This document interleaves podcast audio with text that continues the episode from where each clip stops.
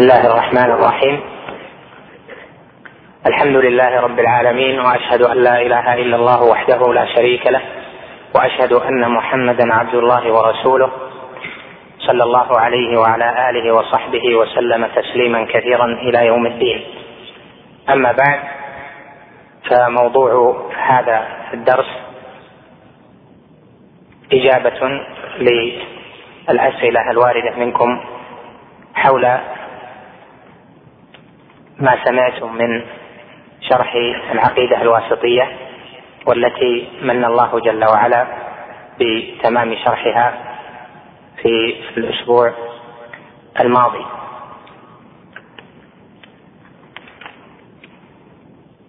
وحبذا لو يراعى في الأسئلة أن تكون في الموضوعات التي سبق الكلام عليها في هذه العقيدة المباركة حتى تكون جلاء لبعض ما قد يغمض أو بيانا لبعض ما قد يكون مبهما أو مجملا. نبتدئ. و نعم. لا أن اليوم ما فيما يتعلق بالإجابة على أسئلة الأسئلة العلمية. أما الاقتراحات فقررنا أن يكون الدرس إن شاء الله تعالى في شرح كتاب كشف الشبهات.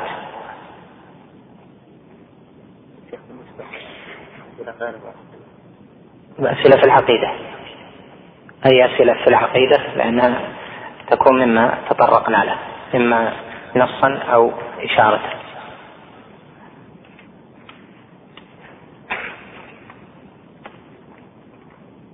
قال ذكرتم أن الفرقة الطائفة هم أهل الحديث وأهل الأثر فهل يخرج بذلك أهل الرأي من الحنفية؟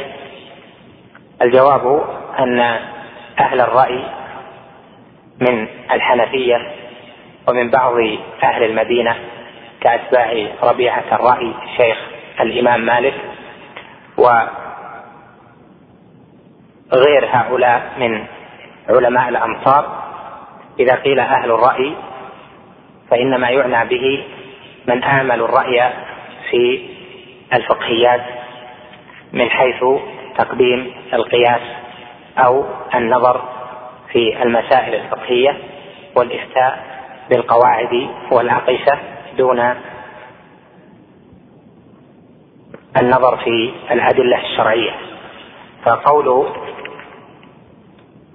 السائل فهل يخرج بذلك أهل الرأي؟ هذا على اعتبار أن أهل الرأي من الفرق أو من الطوائف العقدية وهذا ليس كذلك. أما الحنفية فهم فئات ومنهم الأولون من المرجئة والمتأخرون منهم ما تريدية وقد ذكرت لكم أن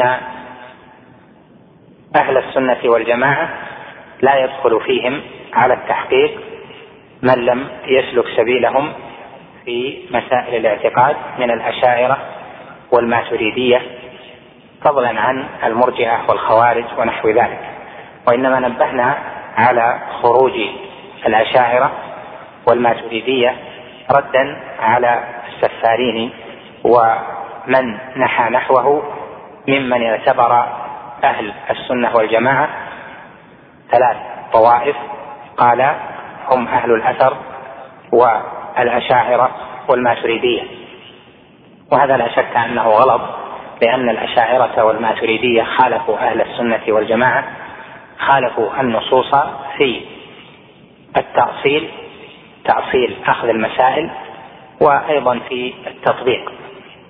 فمن حيث التأصيلات هم يقولون بقول جهم في تقديم العقل على النص في إثبات وجود الله جل وعلا وفي الصفات وفي غير ذلك. وأيضا هم في باب الصفات مؤولة وإن كانوا صفاتية لأنهم يثبتون بعض الصفات لكنهم يؤولون ما لم يتفق مع القاطع العقلي. وعندهم أن العقل شاهد أن العقل قاض والشرع والنص شاهد. ولهذا قال بعضهم في مقدمة كتاب له في الأصول لما كان العقل هو القاضي المحكم والشرع هو الشاهد المعدل كان كذا وكذا. فمن أصولهم أن العقل حاكم قاض وأن الشرع شاهد معدل بتعديل العقل له. وهذا هو الذي أصله الرازي في قانونه الذي رد عليه في بطول وتفصيل شيخ الإسلام في كتاب العقل والنقل حيث أصل الرازي في ذلك أن أصل الشرع هو العقل وإنما عرفت صحة الشرع بالعقل. وإذا كان كذلك كان تقديم الشرع على العقل تقديما للمدلول على الدليل. وهذا باطل فلزم أن يقدم العقل على النقل.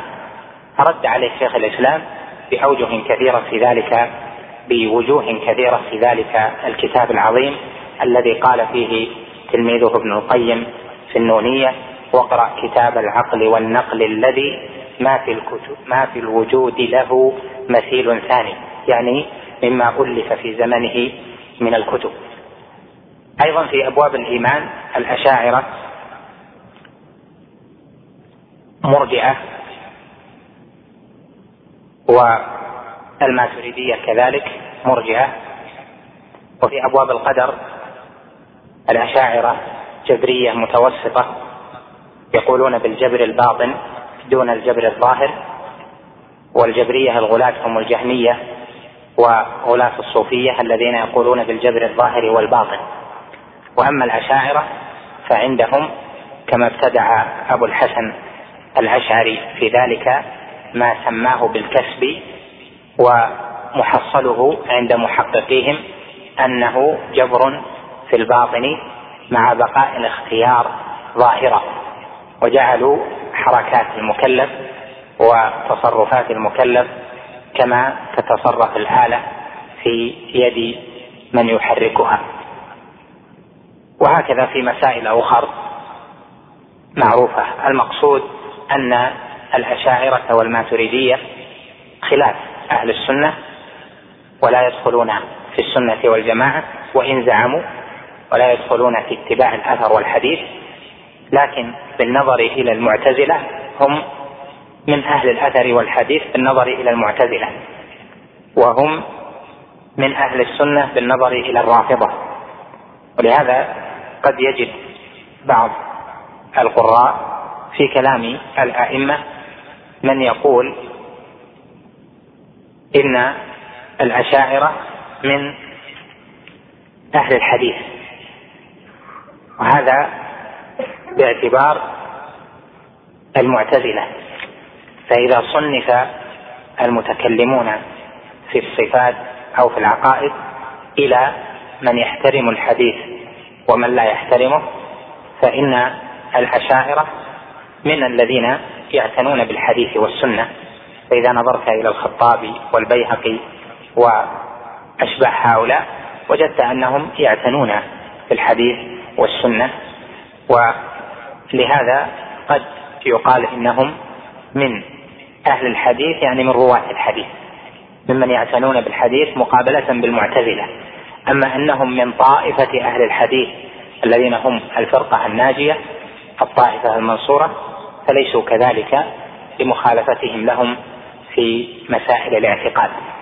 طبعا من جهة العلماء علماء الأشاعرة طبقات منهم من يكون قريبا جدا من أهل الحديث كالبيهقي ونحوه ومنهم من يكون بعيدا جدا. وهم درجات عند الله.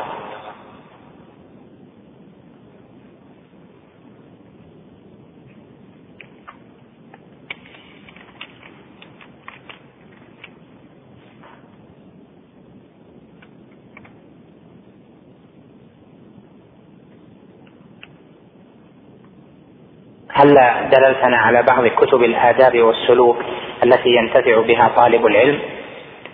لا شك أن العناية بكتب الأدب والسلوك والأخلاق من المهمات ومن أعظم ما يدلك على ذلك وتنتفع به كتاب رياض الصالحين فإنه من أنفع الكتب في الأدب والسلوك النبوي والإرشاد إلى الأخلاق والآداب والواجبات في التعامل والخلق والأدب. ومن جهة الزهديات كتب السلف في الزهد كالزهد لابن المبارك والزهد للإمام أحمد وككتاب الرقاق في صحيح البخاري والبر والصلة في كتب أهل الحديث. هذه فيها مع شروح أهل العلم عليها ما ينتفع به طالب العلم كثيرا.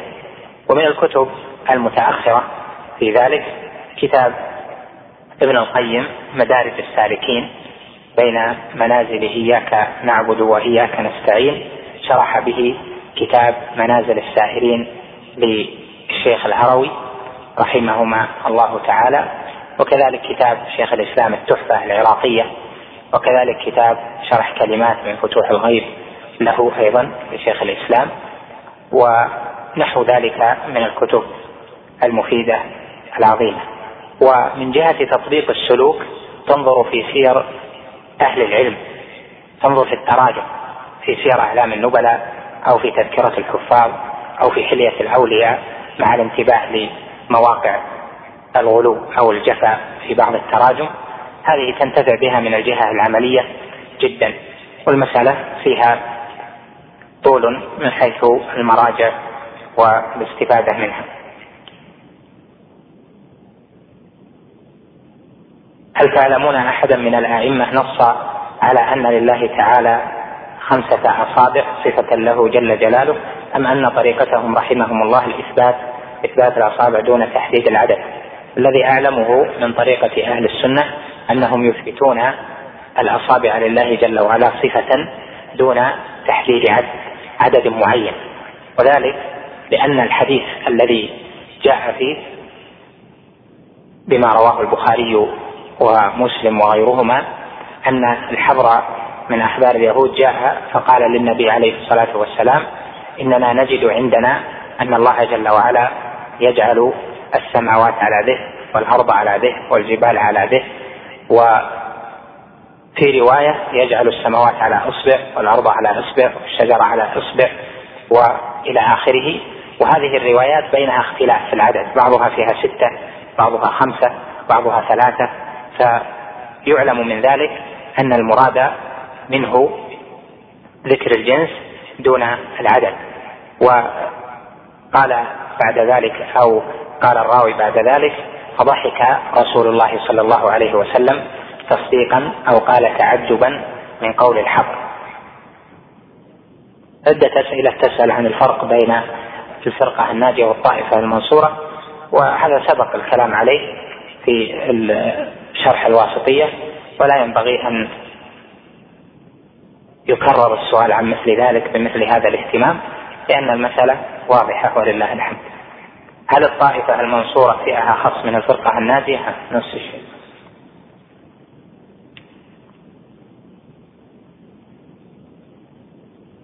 هذا اقتراح. ليش؟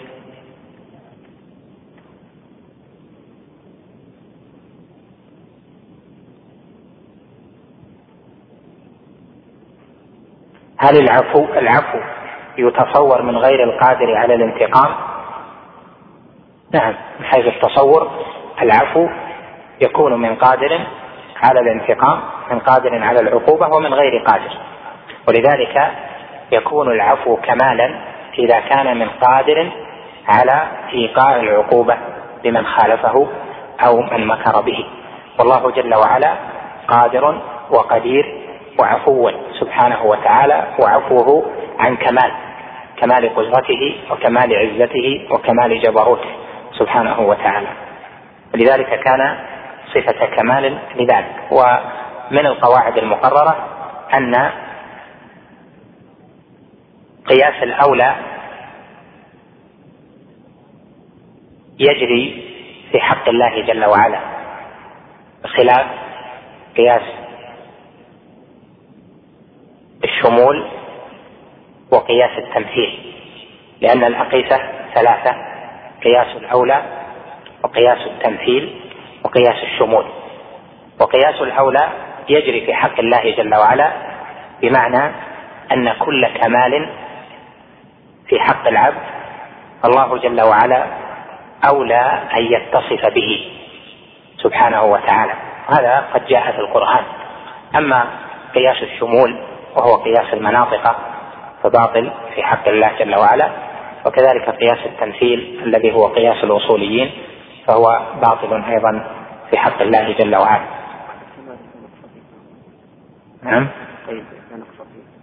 وكل كمال في حق المخلوق إذا قلت كل كمال لا نقص فيه آه، الكمال لا يكون كمالا حتى لا يكون فيه نقص. لكن بعضهم يزيد هذه العبارة توهما من أو إخراجا للولد. لأن بعضهم يرى أن الولد كمال بالنسبة للآدم.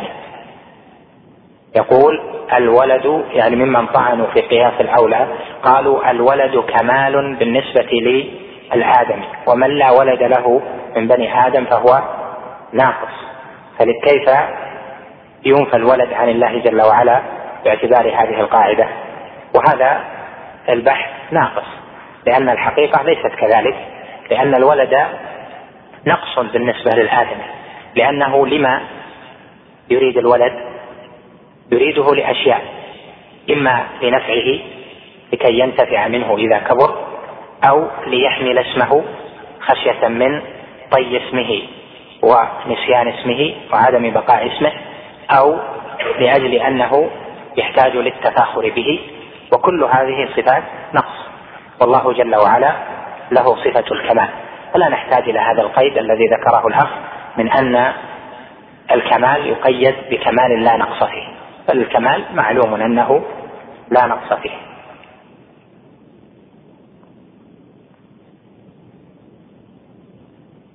كيف يفتخر المتصدق بصدقته؟ يفتخر المتصدق بصدقته بأن يكون أدلى في الظاهر في العلن وأعجبه ذلك. هذا لا بأس به. لكن الافتخار غير الاختيار. فالفخر هنا إذا افتخر بذلك فخرا شرعيا كما ذكرنا فإن هذا يكون من باب الدلالة. ولهذا إبداء الصدقات وإظهارها محمود في الشرع. إن تبدوا الصدقات فنعما هي وإن تخفوها وتؤتوها الفقراء فهو خير لكم. ومن السنن أن المتصدق في المسجد إذا كان تصدقه بحث الإمام الحاضرين على الصدقة أن يعلن ذلك كما كان في عهد النبي عليه الصلاة والسلام بدليل حديث مجتاب النمار حيث جاءوا إلى النبي عليه الصلاة والسلام في المدينة وملابسهم مقطعة وقد اجتابوا نمارهم فعرف ذلك في وجه النبي عليه الصلاة والسلام.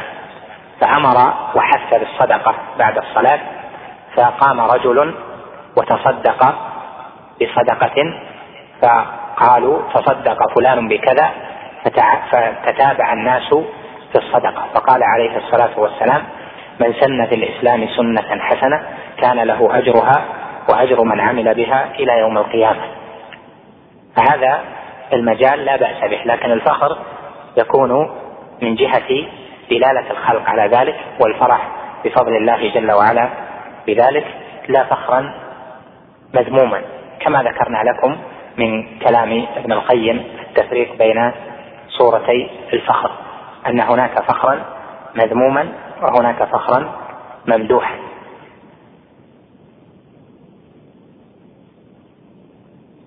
قول المؤلف ويأمرون ببر الوالدين. هل يعني هذا طاعة الوالدين حتى وإن ظلموا أبناءهم حتى في أبسط حقوقهم؟ وهل يحق للابن أن يمنع والده من أخذ ماله علما بأن الأب لم يصرف على ابنه هذا؟ لأنه عاش في كنف والدته بحكم أنها مطلقة.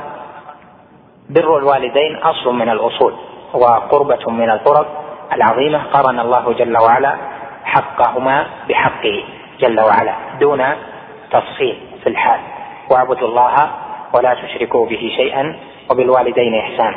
وقضى ربك ألا تعبدوا إلا إياه وبالوالدين إحسانا. إما يبلغن عندك الكبر أحدهما أو كلاهما فلا تقل لهما أف ولا تنهرهما وقل لهما قولا كريما واخفض لهما جناح الذل من الرحمة. وهذا فيه اطلاق في جميع الحالات. فعقوق الوالدين كبيرة من الكبائر مقارنة لكبيرة الشرك والعياذ بالله. قرن الله جل وعلا بينهما تعظيما لهذا. فكما أن الحق مقترن كذلك الشرك مقترن بعقوق أو عقوق الوالدين مقترن بالشرك. إذا حصل من الوالدين ما لا يحمد لم يطيع الله جل وعلا. في العبد في الابن فإن الابن يطيع الله جل وعلا فيهما. لا يفرق في الأمر الشرعي لأجل أنهما فرطا. بل لو جاهداه على أن يشرك لو جاهداه على أن يزيغ لو جاهداه على أن ينحرف لو جاهداه على أن يكفر فإنه لا يطيعهما في ما أراد ويصاحبهما في الدنيا معروفا كما قال جل وعلا وإن جاهداك على أن تشرك بي ما ليس لك به علم فلا تطعهما وصاحبهما في الدنيا معروفا. وهذا من القواعد العامة في بر الوالدين. أما أخذ الوالد الأب أو الأم في قول كثير من أهل العلم أخذ الأب بعض مال ولده هل له ذلك؟ الصواب أن له ذلك لأن النبي عليه الصلاة والسلام قال أنت ومالك لأبيك لأنك جئت بسبب العبد فأنت ومالك لأبيك. لكن الفقهاء قيدوا ذلك بفهم ما جاء في السنة والقواعد وعمل الصحابة رضوان الله عليهم بقولهم وللأب في باب الهبة عبارة الزاد وللأب أن يتملك من مال ولده ما لا يضره ولا يحتاجه. فللأب أن يتملك من مال الولد ما لا يضره ولا يحتاجه. فإذا كان الأخذ يضر الولد أو يحتاجه الولد في معيشته فإن الأب ليس له ذلك. لكن إذا كان شيئا زائدا فإن له أن يتملك ذلك. وكذلك الأم على الصحيح من قولي أهل العلم هنا. من كان في عقيدته انحراف عن هدي السلف الصالح وكذا في أخلاقه مع الناس ما حكم مساعدته في الخروج من المصائب التي تحل, تحل به وزيارته والوقوف بجانبه؟ وهل من رفض مساعدته بحجة ما عنده من انحراف في العقيدة على صواب؟ هناك تنبيه عام في الأسئلة وهذا لعلي أعرض له إن شاء الله تعالى في درس عام. يلقى قريبا إن شاء الله بعنوان أدب السؤال.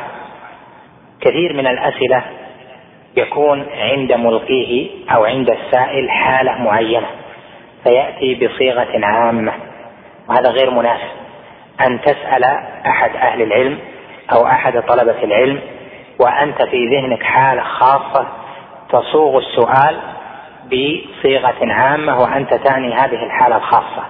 هذا يجعل المجيب في غير علم بما في ذهنك فيجيب إجابة بقدر السؤال وأنت تنزلها على ما في ذهنك من الواقع وهذا يحصل يحصل منه بلبلة كثيرة وكثير من الأسئلة التي وجهت لأهل العلم في هذا الزمن من جهة العموم فيجيب العالم أو طالب العلم فيها بجواب فيستدل منها السائل على أشياء في صالحه فيما يزعم وهذا ليس من ادب السؤال.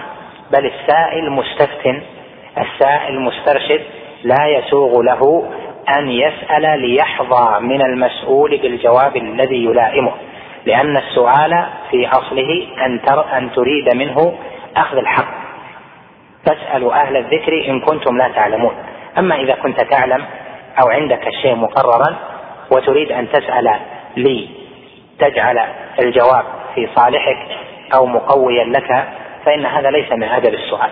فلهذا نقول حبذا أن تكون الأسئلة في مثل هذا السؤال أن تكون مخصوصة بالحالة. من كان في عقيدته انحراف عن هدي السلف الصالح وكذا في أخلاقه ما حكم مساعدته في الخروج من المصائب؟ هو يعني حالة معينة. لكن المسألة هذه تحتاج إلى تفصيل كل حالة لها ما يناسبها من الجواب. لأنها قد تكتنفها أشياء يعلمها السائل ويعلمها المسؤول بإيضاح هذه الأشياء يكون الجواب. فالجواب ليس في المسائل هذه بأمر عام بل بمعرفة الحالة الخاصة. وهذا حبذا لو يعتني به الإخوان. جزاهم الله خيرا. من يأمر بالمعروف ولا يأتيه هل يؤجر؟ ومن ينهى عن المنكر ويأتيه هل يؤجر؟ نعم. الأمر بالمعروف والنهي عن المنكر غير مرتبط بعمل المعروف أو الانتهاء عن المنكر لأن الواجب على العبد واجبان واجب في أن يأتي المعروف وأن ينتهي عن المنكر هذا واجب والواجب الثاني أن يأمر بالمعروف وأن ينهى عن المنكر فإذا ترك أحد الواجبين فإنه لا يسوغ له شرعا أن يترك الواجب الآخر إذا كان واقعا في المنكر وتاركا للمعروف الذي يأمر به فإنه لا يترك الأمر والنهي ويفرط في هذا الواجب لأجل أنه فرط في الامتثال هذا شيء هذا واجب وهذا واجب. ولهذا ذكرت لك قول الإمام مالك رحمه الله تعالى لو لم يأمر بالمعروف إلا من أتى ولم ينهى عن المنكر إلا من انتهى عنه لم تجد آمرا ناهيا. لأن الدين عظيم ومسائل الشرع والواجبات والمستحبات كثيرة كذلك المحرمات والمكروهات كثيرة. فالعبد يجب عليه أن يأمر وينهى فإنه إذا فرط فإنه يستغفر الله جل وعلا ويكون قد فرط في واجب أو مستحب أو ارتكب محرما ونحو ذلك. فلهذا لا صلة بين هذا وهذا هذا واجب وهذا واجب فمن وفقه الله جل وعلا لامتثال الواجبين فإنه هو الذي حظي بالفضل. وأما من خالف فهذا فيه تفصيل. إن كان هذه المخالفة دائما معه يأمر بالمعروف وينهى عن المنكر وهو يواقع المنكر ولا يأتي بالمعروف طول حياته يعني ملائم ملازم بذلك فهذا هو الذي جاء في مثله قول النبي عليه الصلاة والسلام في الحديث الذي رواه مسلم وغيره. إن إنه يؤتى بالرجل يوم القيامة فيلقى في النار فتندلق أقتابه يعني أمعاءه فيقال له يا فلان ألم تكن تأمرنا بالمعروف تنهاني عن المنكر؟ قال بلى ولكن كنت آمركم بالمعروف ولا آتيه وكنت أنهاكم عن المنكر وآتيه. هذا في حال من لازمه وغلب عليه. أما من أمر ثم استغفر ويجاهد نفسه هذا له حكم أمثاله. ممن خلط عملا صالحا وآخر سيئا. عسى الله أن يعفو عنه.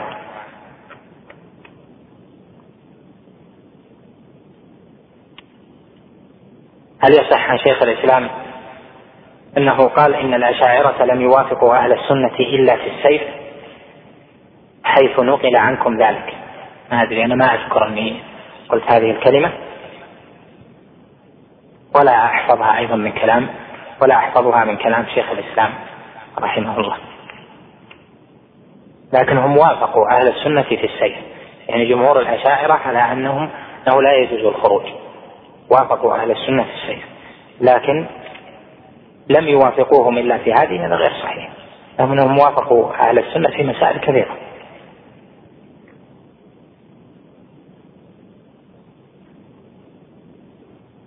ما هو الرابط بين ما يجوز تأويله وما لا يجوز تأويله؟ وهل يجوز تأويل قوله تعالى فأتاهم الله من حيث لم يحتسبوا وتأويل قوله فأتى الله بنيانهم من القواعد؟ الجواب أن هذه المسألة مسألة عظيمة ودقيقة وبعدم معرفتها يكون الخلط. بين التأويل والقول بظاهر الكلام أو ما يتضمنه الكلام أو لازم الكلام. وأذكر أني في أثناء الشرح لما تكلمنا عن الصفات عرضت لهذه المسألة لكن أعيدها حتى تتكرر الفائدة. فالتأويل هو صرف اللفظ عن ظاهره المتبادر منه إلى غيره. صرف اللفظ عن ظاهره المتبادر منه إلى غيره لدليل دل عليه أو لقرينة.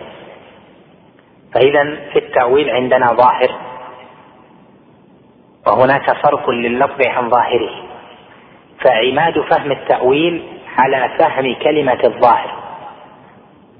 كما أن المجاز عندهم هو نقل اللفظ من وضعه الأول إلى وضع ثان لعلاقة بينهما ففهم المجاز الذي يقابله الحقيقة مبني على فهم الوضع الأول الوضع الثاني العلاقة.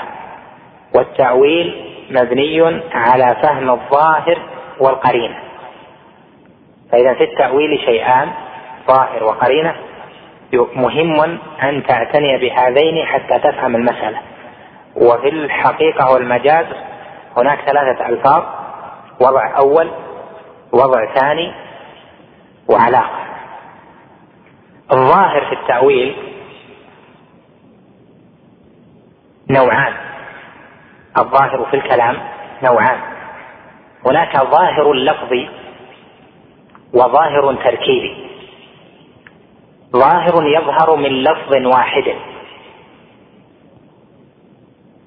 وظاهر يظهر من الكلام من الجملة. ولهذا تعريف التأويل قالوا نقل الكلام أو صرف اللفظ. نقل الكلام من ظاهره المتبادر منه إلى غيره بقرينة أو صرف اللفظ عن ظاهره. فنقل الكلام أو صرف الكلام عن ظاهره هذا راجع إلى الظاهر التركيب. وصرف اللفظ عن ظاهره هذا راجع إلى اللفظ الإفرادي. فمثلا في قول الله جل وعلا الرحمن على العرش استوى. قالوا استوى بمعنى استولى أو هيمن. هذا تفسير لكلمة استوى. هنا نقل اللفظ من ظاهره إلى معنى آخر بقرينة. ظاهر اللفظ هنا أن استوى بمعنى على هذا معناها في اللغة. فأولوها بمعنى استولى. فصار هذا تأويلا. هل هذا تأويل سائغ أم تأويل غير سائغ؟ نقول هذا تأويل باطل غير سائغ لأنه نقل اللفظ عن ظاهره المتبادر منه بغير قرينة. القرينة التي يدعونها القرينة العقلية. والقرينة العقلية مبنية على أن يكون العقل تصور امتناع إثبات ظاهر اللفظ فلذلك نقله. ومن المتقرب أن علو الله جل وعلا على عرشه لا يمتنع عقلا. أليس كذلك؟ ما نقول ثابت عقلا؟ العلو ثابت عقلا لكن الاستواء على العرش لا يمتنع عقلا. فعلى تقدير مجاراتهم في كلامهم نقول هو جائز عقلا. وإذا كان كذلك فيكون نقل اللفظ من ظاهره إلى غيره يكون تاويلا باطلا. هناك تأويل صحيح من مثل ما ذكر من الآيات. مثل قول الله جل وعلا فأتى الله بنيانهم فأتى الله بنيانهم من القواعد ظاهره ظاهر اللفظ أن الإتيان هنا لله جل وعلا. أتى الله يعني أن الله يأتي. لكن أجمع أهل السنة على أن هذه الآية ليست من آيات صفة الإتيان. لما؟ لأن الظاهر هنا ظاهر تركيبي. فأتى الله بنيانهم من القواعد. معلوم أنه لما قال من القواعد أن الله جل وعلا لم يأتي من القواعد بذاته فخر عليهم السقف من فوقهم. وإنما أتى الله جل وعلا بصفاته يعني بقدرته بعذابه بنكاله. كذلك قول الله جل وعلا ألم تر إلى ربك كيف مد الظل؟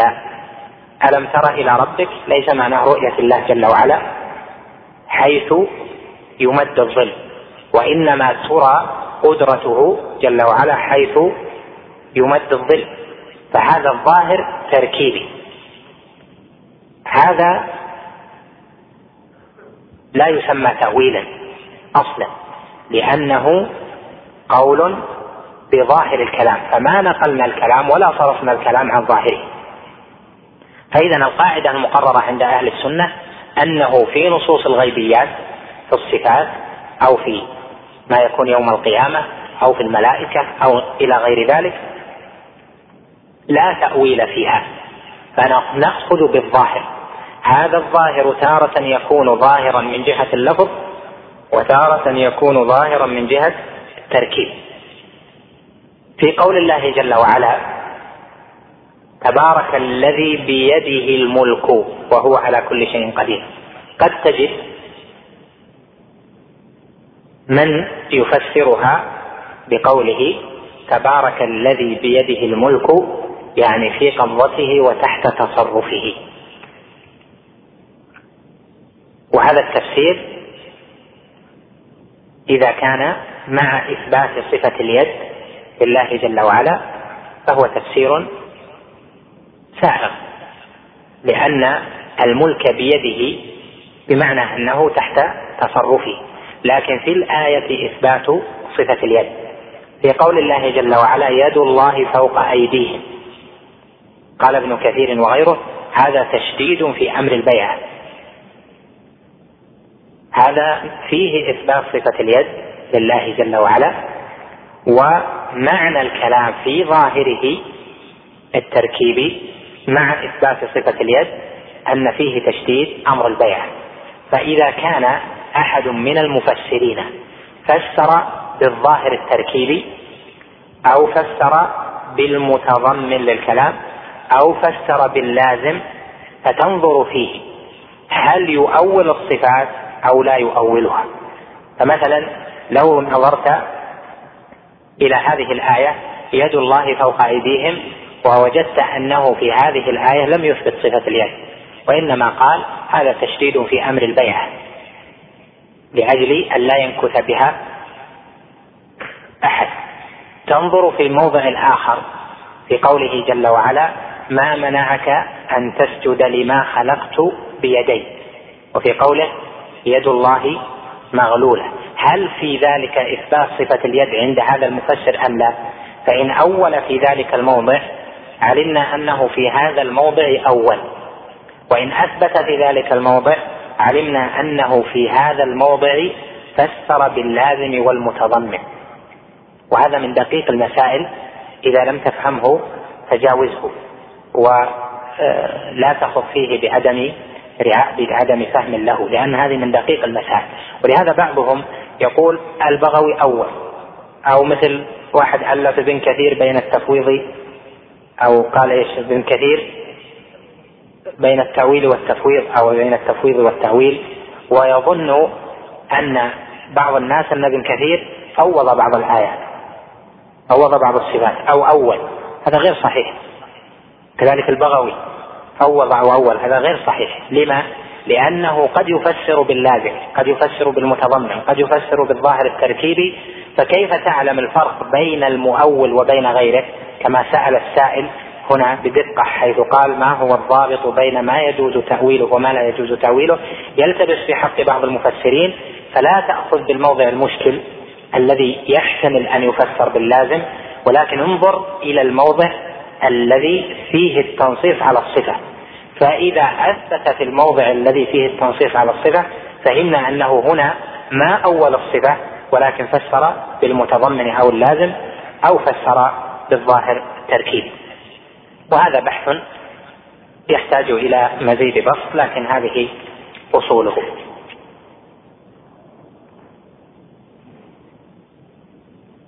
هناك كلام لشيخ الإسلام وهو أن أهل السنة يرون أنه لا مانع في وجود حوادث لا أول لها كما يوجد حوادث لا آخر لها.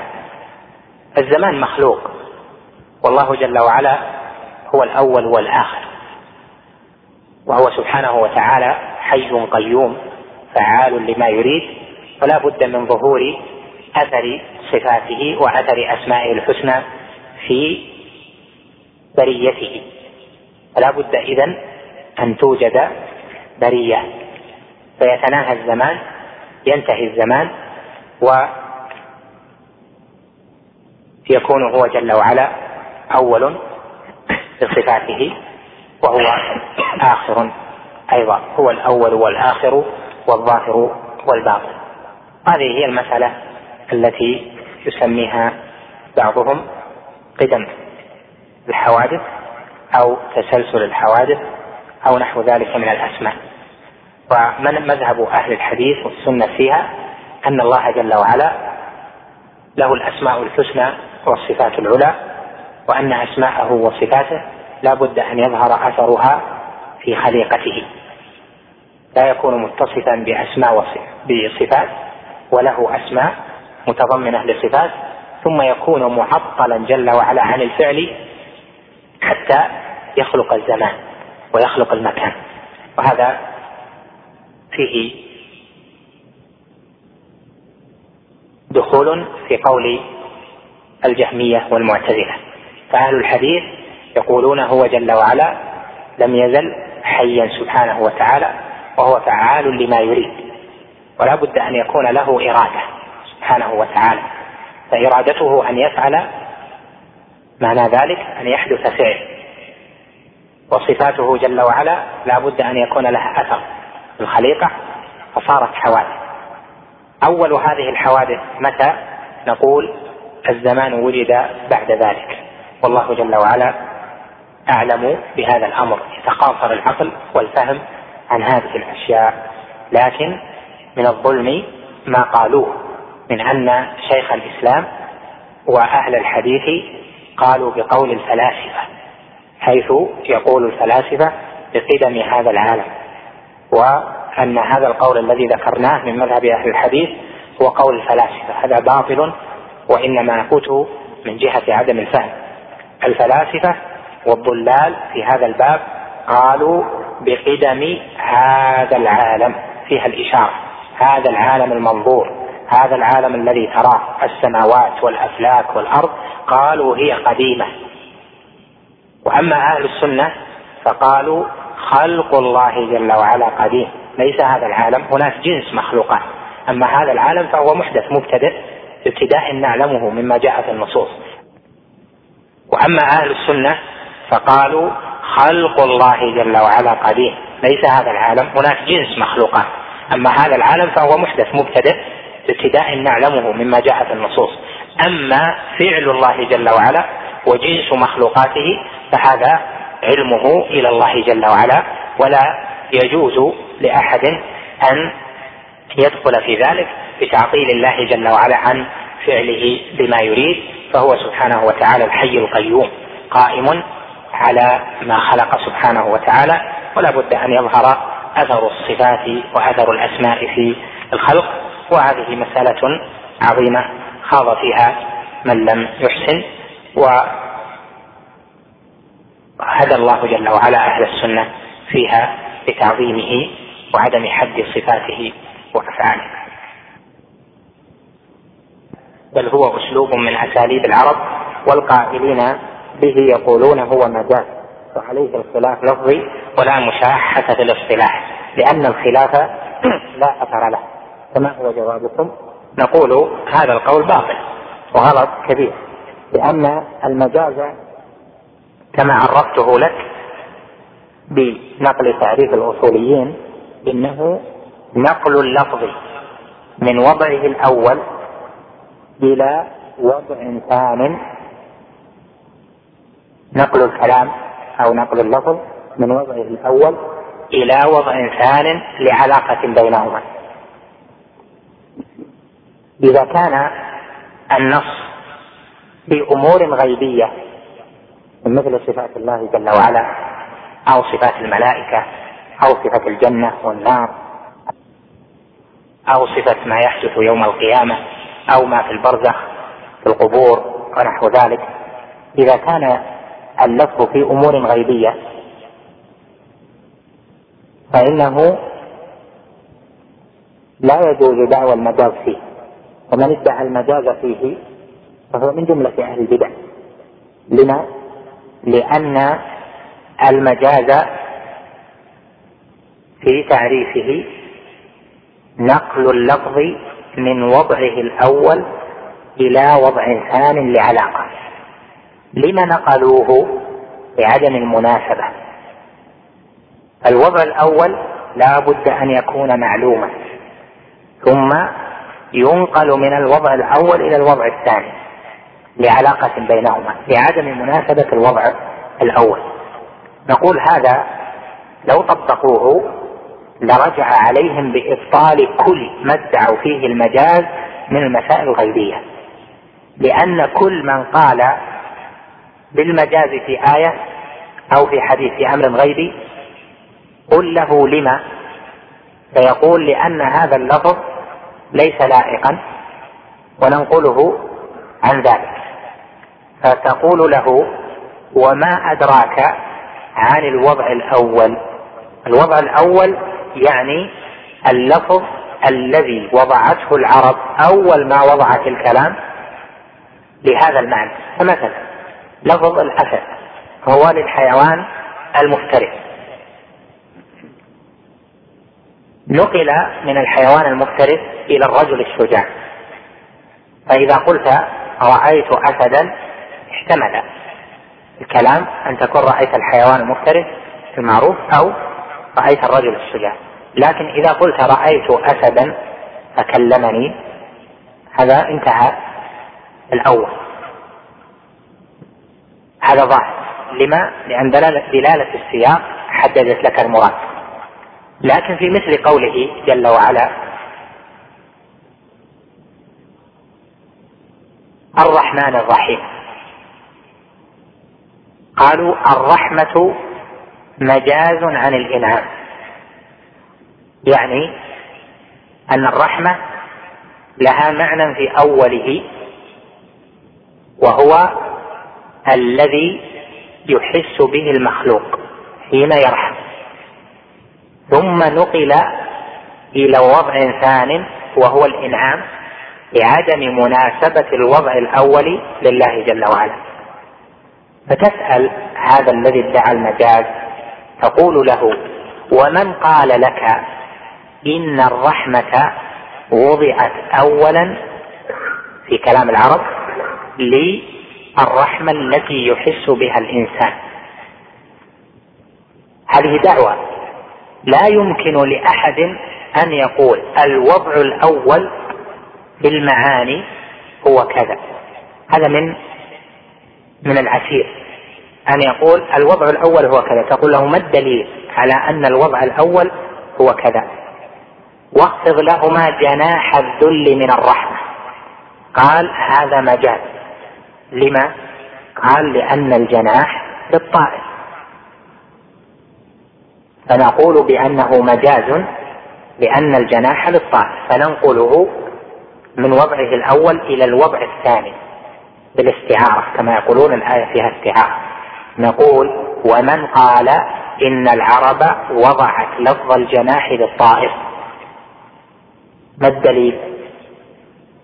يقف معك. لا دليل.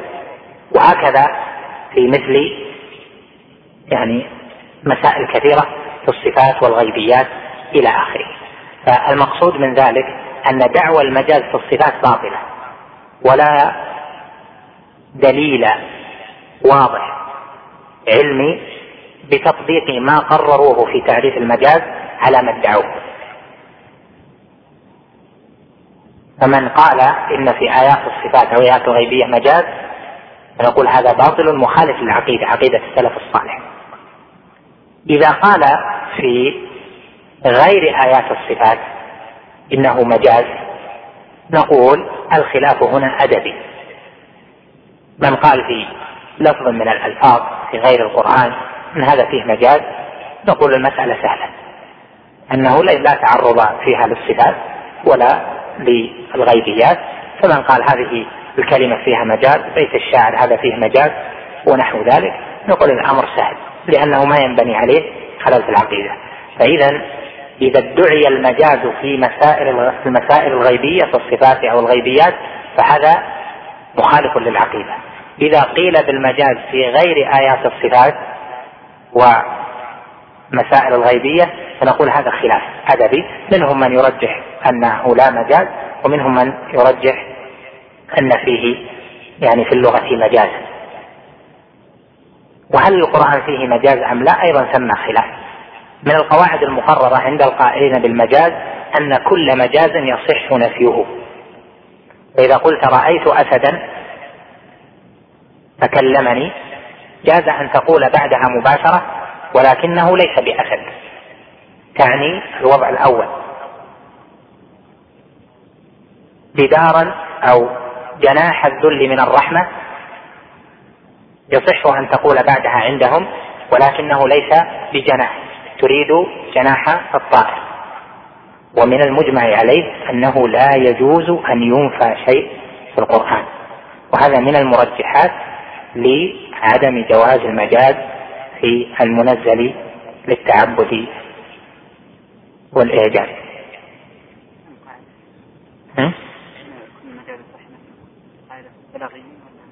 هذه قاعدة عند البلاغيين. نعم. كل مجاز يصح ويصح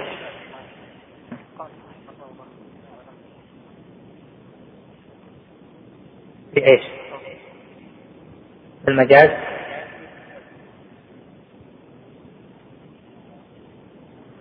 النزاع لفظي لا. إذا كان في غير آيات الصفات والغيبيات يعني يصير سهل.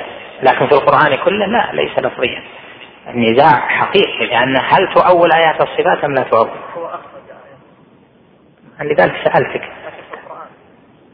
أنا لي لا من هوتها يعني إذا كان أخرج آيات الصفات فقلنا الخلاف يكون أدبيا يعني خلاف بين أهل العلم.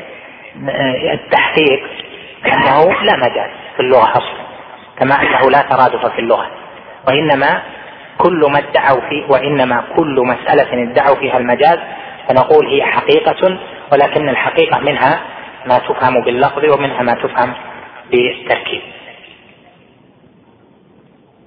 هنا قال هل يوصف الله جل وعلا أو يخبر عنه بأنه ساكت. الجواب أن السكوت له معنيان. المعنى الأول سكوت مقابل للكلام. تكلم وسكت. والمعنى الثاني سكوت عن إظهار الحكم. عن إظهار الكلام عن إظهار الشيء. أما الأول فلا أعلم أن أهل السنة يصفون الله جل وعلا بالسكوت الذي هو مخالف للكلام. يعني يتكلم ويسكت بمعنى يترك الكلام أصلا. ولا أعلم أن احدا من أهل السنة قال به. وأما المعنى الثاني وهو السكوت بمعنى عدم إظهار الخبر أو ترك إظهار الحكم أو إظهار الكلام. هذا جاء في الحديث عن النبي عليه الصلاة والسلام وسكت عن أشياء رحمة بكم غير نسيان فلا تبحثوا عنها. سكت عن أشياء هنا السكوت بمعنى عدم إظهار الحكم لأنه قال إن الله فرض فرائض. فلا تضيعوها وحد حدودا فلا تعتدوها وسكت عن أشياء. فالسكوت هنا عدم إظهار حكم تلك الأشياء.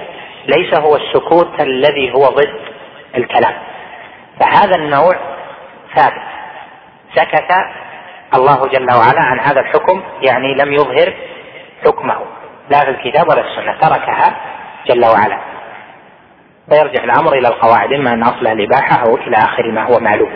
وهذا هو المراد بقول من قال من السلف يتكلم إذا شاء ويسكت إذا شاء. رعاية لهذا الحديث. هذا تحقيق القول في هذه المسألة. والله أعلم.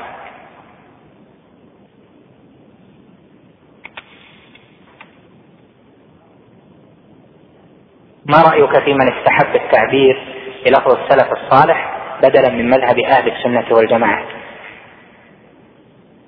أهل السنة والجماعة لفظ ادعاه الكثيرون. فالأشاعرة يقولون عن أنفسهم إنهم هم أهل السنة والجماعة والماتريدية كذلك لأن لفظ السنة والجماعة لفظان محببان جميلان. فأهل السنة والجماعة كل يدعيها وإذا ولذلك إذا قلت عند الأشاعرة فلا بد أن نذهب إلى ما ذهب إليه أهل السنة والجماعة يسلم لك. لا خلاف في هذا لأن اللفظ كل يدعي. أما لفظ السلف الصالح فإنه يتميز به المراد بأهل السنة والجماعة. السلف الصالح لا ينتسب إليه الأشاعرة والماتريدية والمبتدعة لأنهم يؤصلون أن طريقة السلف أسلم ولكن طريقة الخلف أعلم وأحكم. فلا ينتسبون للسلف الصالح لأجل أنهم أرادوا السلامة والسلامة عندهم خلاف العلم والحكمة. نسأل الله العافية والسلامة. والواقع أن السلف أسلم طريقتهم أسلم وأعلم وأحكم. رحمهم الله تعالى وجزاهم عنا وعن الإسلام خير الجزاء. ولهذا ينبغي التنبه عند إطلاق لفظ أهل السنة والجماعة بتقييده وإذا أطلق ولم يقيد في بعض الأحيان فلا بأس. لكن تقييده في بعض الأحيان هذا هو طريقة المحققين من أهل العلم. فيطلقونه بدون تقييد وتارة يقيدونه حتى يحمل المطلق على المقيد. ذكرت أن الجهمية يخرجون من 72 فرقة ولم تذكر الأشاعرة. الأشاعرة من من هذه الأمة. الأشاعرة ليسوا بخارجين عن الإسلام. الأشاعرة إنما هم مخالفون مبتدعة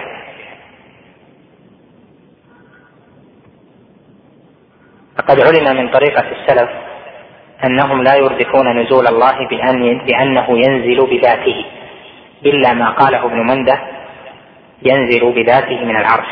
ولكن هل في قولنا إنه ينزل بذاته محذور أو فساد للمعنى؟ وذلك لأننا نعلم أن هذه الصفة صفة اختيارية قائمة بالنص. وأيضا لماذا لا ينسحب هذا على صفة الاستواء؟ لو ترك ينسحب هذا يكون أحسن.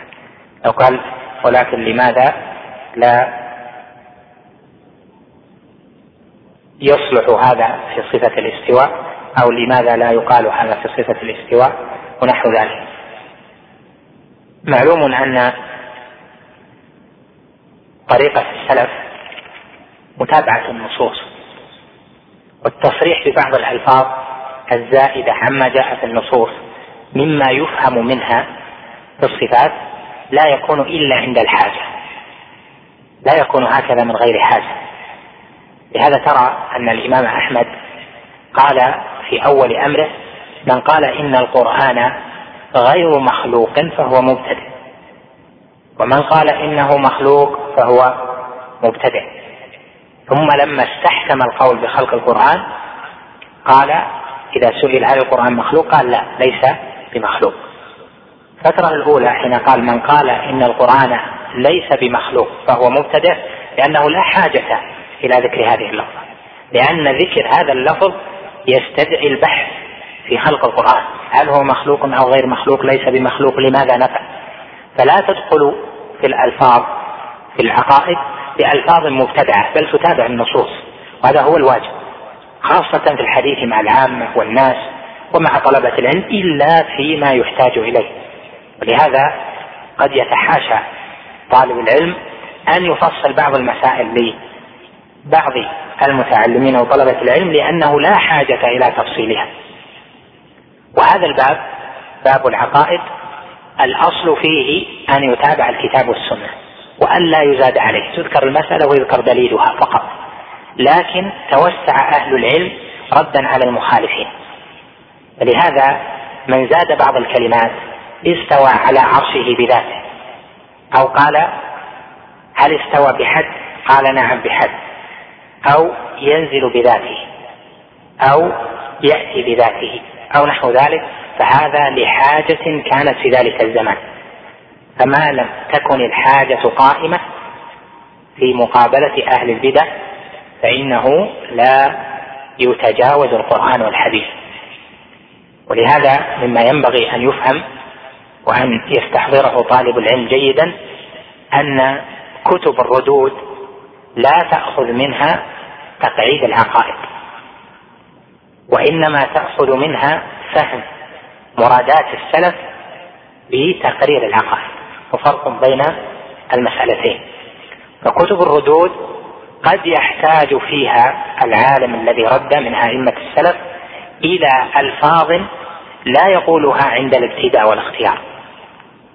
وإذا قرر العقيدة من دون رد فإنه لا يأتي بتلك الألفاظ. ولهذا نقم بعض أهل البدع على بعض أئمتنا كعثمان بن سعيد الدارمي وابن منده ونحو هؤلاء الأئمة بألفاظ أوردوها وإنما أحوجهم إيراد تلك الألفاظ الرد على المخالفين. فتنتبه أن كتب الردود يكون فيها زيادة فيها استطراد فيها أنه يلتزم بشيء لا داعي له لكن في مقام الرد يلتزمه ليبين أنه على ثبت ويقين من الأصل الذي أصله فإذا أعيد لكم هذا الأصل وهذه القاعدة وهي أن كتب الردود لا يؤخذ منها تقرير عقائد أهل السنة. وإنما يؤخذ منها فهم تقرير العقائد. تقرير نفسه ما تأخذ منها يعني التقعيد لا تأخذ من كتب الردود. وإنما كيف تفهم النصوص كيف تفهم القواعد؟ تفهمها من الردود. فإذا احتجت ذكرت ما ذكروا إذا لم تحتج فلا تتوسع في ذلك. فباب الصفات باب إنما يتابع فيه النصوص لا تزد على النصوص إلا إذا كان ثم حاجة. ولهذا بعض طلبة العلم يستأنس في هذا الباب إلى ذكر خلافيات دقيقة في نصوص الصفات وكلام أهل العلم ويتجادلون في ذلك ويتركون بعض الواجب عليهم في مسائل الدين الأخرى لا يتعلمونه وبالتالي لا يعملون به. هذا غير سائغ لأن طلب العلم في الحقيقة له لذة. ومن سار في طلبه للعلم على لذته حرم. بعض الشباب وهذه سبق ان ذكرتها لكم هي أن بعضهم يطلب العلم للذة يعني من من الزمن القديم. له لذة في البحث في الصفات. فيبحث ويدقق لكن باب الإيمان لا يعرفه. لكن باب الأمر بالمعروف والنهي عن المنكر ما يعرف كلام أهل السنة فيه. لكن باب الأخلاق لا يعرف كلام أهل السنة فيه. وهكذا. فالإيغال في بحث شيء وقد فرطت في واجب وذاك الذي أوغلت فيه ليس بواجب عليك هو من باب تقديم المستحب على الواجب. فتقديمك المستحب على الواجب لما؟ لأن لك لذة فيه. ولشيخ الإسلام رحمه الله رسالة في هذا الأصل عنوانها قاعدة فيما للعبد فيه محبة يعني من الأعمال.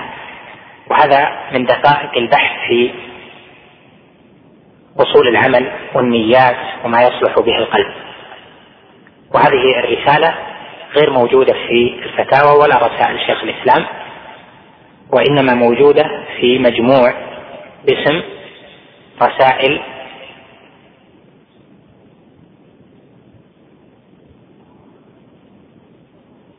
عربية أو بحوث عربية وإسلامية مهداة إلى أديب العربية محمود محمد شاكر. مجموعة من تلامذة الأستاذ الشيخ محمود محمد شاكر كتبوا تحقيقات ومن ضمن تلامذته محمد رشاد سالم حقق هذه الرسالة وأودعها هذا المجموع وهي رسالة وجيزة. بعض الناس يطلب العلم للذته تجده يبحث في المصطلح ويحقق في المصطلح لماذا؟ لأن له لذة في ذلك يجد استمتاع. يخرج الأحاديث يجلس الحديث شهر وأسبوعين وثلاثة وأسبوع لما؟ لأن له لذة في ذلك يحفظ حفظا مطولا كذا هل لأنه الواجب عليه؟ لا لأن له لذة في ذلك تجده يحفظ في كتب الحديث هل حفظ في القرآن؟ لا لما صار ذاك؟ لأن له لذة فيه تجد يوغل في البحث في مسائل الأسماء والصفات ويأتي فيها ببحوث غريبة يعني من جهة أنها غير مشهورة وذلك لأن له لذة في ذلك. فإن كان هذا الاستقصاء بعد تمكن فيما يجب عليه فهذا فضل الله يؤتيه من يشاء. أما أن يفرط بالواجب ويذهب إلى مستحب أو يذهب إلى مباح في بعض من الاطلاع على بعض التفاصيل فهذا ليس بحسن. نعود إلى أصل الموضوع وهو أن مثل هذه الألفاظ بذاته أو نحو ذلك هذه يذكرها بعض أهل العلم للحاجة إليها. فإذا لم يكن ثم حاجة فلا مجاوزة للقرآن والحديث. فنحن نقول الله جل وعلا مستو على عرشه كما يليق بجلاله وعظمته وينزل إلى السماء الدنيا كما أخبر عن ذلك كما يليق بجلاله وعظمته. ولا حاجة إلى القول بذاته لأن النص ظاهر واضح. نرجو فتح المجال لحفظ كشف الشبهات. آه، أسأل الله جل وعلا لي ولكم الإعانة هذا من أعظم ما يعمل في طلب العلم أن تحفظ المتون. هذه خاصة كشف الشبهات وكتاب التوحيد ثلاثة الأصول لأن فيها من أصول التوحيد ما تحتاج إليه دائما. ومن حفظ فأراد أن يتقدم ونسمى له ما عندنا معنى. هل الخوارج كفار؟ ليسوا بكفار على الصحيح. بل كما قال علي رضي الله عنه من الكفر فروا وقول النبي عليه الصلاة والسلام يمرقون من الدين كما يمرق السهم من الرمية لا يعنى به أصل الدين وإنما يعنى به أكثر الدين هل ورد أثر في أن مسح رأس اليتيم من أسباب ترقيق القلوب؟ هذا ليس على شرطنا الليلة.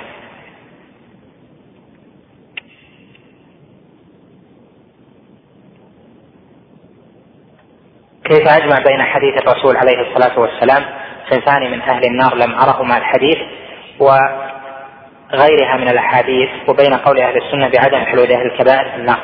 دخول النار لمن لم يغفر الله جل وعلا له أو لم ترجح حسناته على سيئاته أو لم يشفع له هذا يكون دخولا مؤقتا لمن كان من أهل السنة أهل التوحيد ربما عذبوا في النار لكن تعذيبا مؤقتا ليس دائما. فتعذيبهم ليس بالخلود فيها. الذي يخلد هو الكافر الخارج من الإسلام.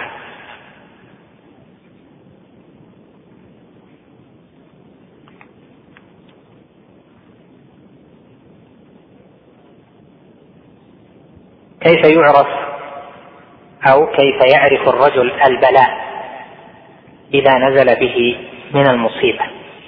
يعني إذا نزل بالعبد شيء هل هل يعتبره بلاء أم يعتبره مصيبة وفي الواقع أراد أن يقول هل هو بلاء أم عقوبة فيما يظهر أم هل هو بلاء أم مصيبة هو يكون بلاء وهو مصيبة في نفس الوقت لأن المصيبة يبتلى بها لكن الذي يقارن يقال هل هو بلاء أم عقوبة هذا الذي يفهم أليس كذلك؟ ليشتبه هل هذا بلاء أم عقوبة؟ هل هو ابتلاء أم عقوبة؟ أما المصيبة فالله جل وعلا يبتلي بالمصائب كما هو معلوم.